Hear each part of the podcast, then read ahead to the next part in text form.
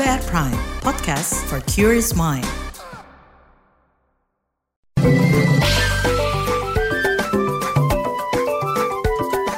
WhatsApp Indonesia. WhatsApp Indonesia, kita mulai dari kabar pemilu 2024. Calon Wakil Presiden nomor urut 2, Gibran Rakabuming Raka, mengakui kekeliruannya yang menyebut ibu hamil memerlukan asam sulfat. Gibran juga meminta maaf dan mengaku baru mengetahui kesalahannya. Gibran juga mengoreksi pernyataannya. Gibran bermaksud mengatakan kalau ibu hamil memerlukan asam folat untuk mencegah stunting. Selain itu, Gibran tidak takut kesalahannya akan mempengaruhi suara yang didapatnya pada pemilu 2024. Gibran mengatakan, biar publik yang menilai. Selanjutnya kita ke Jakarta. Pemerintah memantau kebutuhan harga bahan pokok jelang Nataru.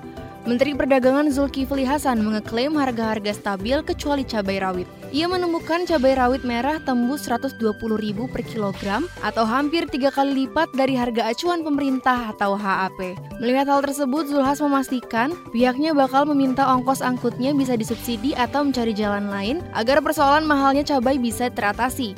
Zulkifli Hasan menambahkan, harga beras yang masih tinggi disebabkan belum masuk musim panen, sementara harga telur dan daging ayam masih sesuai harga acuan. Terakhir, mampir Sumatera Barat. Koordinator Pengamatan dan Penyelidikan Gunung Api Pusat Vulkanologi dan Mitigasi Bencana Geologi atau PVMBG Ahmad Basuki mengatakan, status level waspada dan peringatan tidak boleh mendekati kawah Gunung Marapi sudah dikeluarkan sejak Agustus 2011. Namun Ahmad mengatakan peringatan tersebut tidak digubris. Bahkan, para pendaki tetap mendaki ketika terjadi erupsi pada 3 Desember kemarin.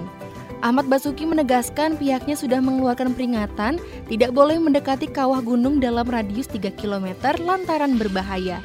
Namun Ahmad mengaku pihaknya hanya bisa mengeluarkan status dan peringatan, tapi tidak bisa melarang pendakian atau aktivitas di sekitar kawah atau gunung Marapi. Demikian WhatsApp Indonesia hari ini.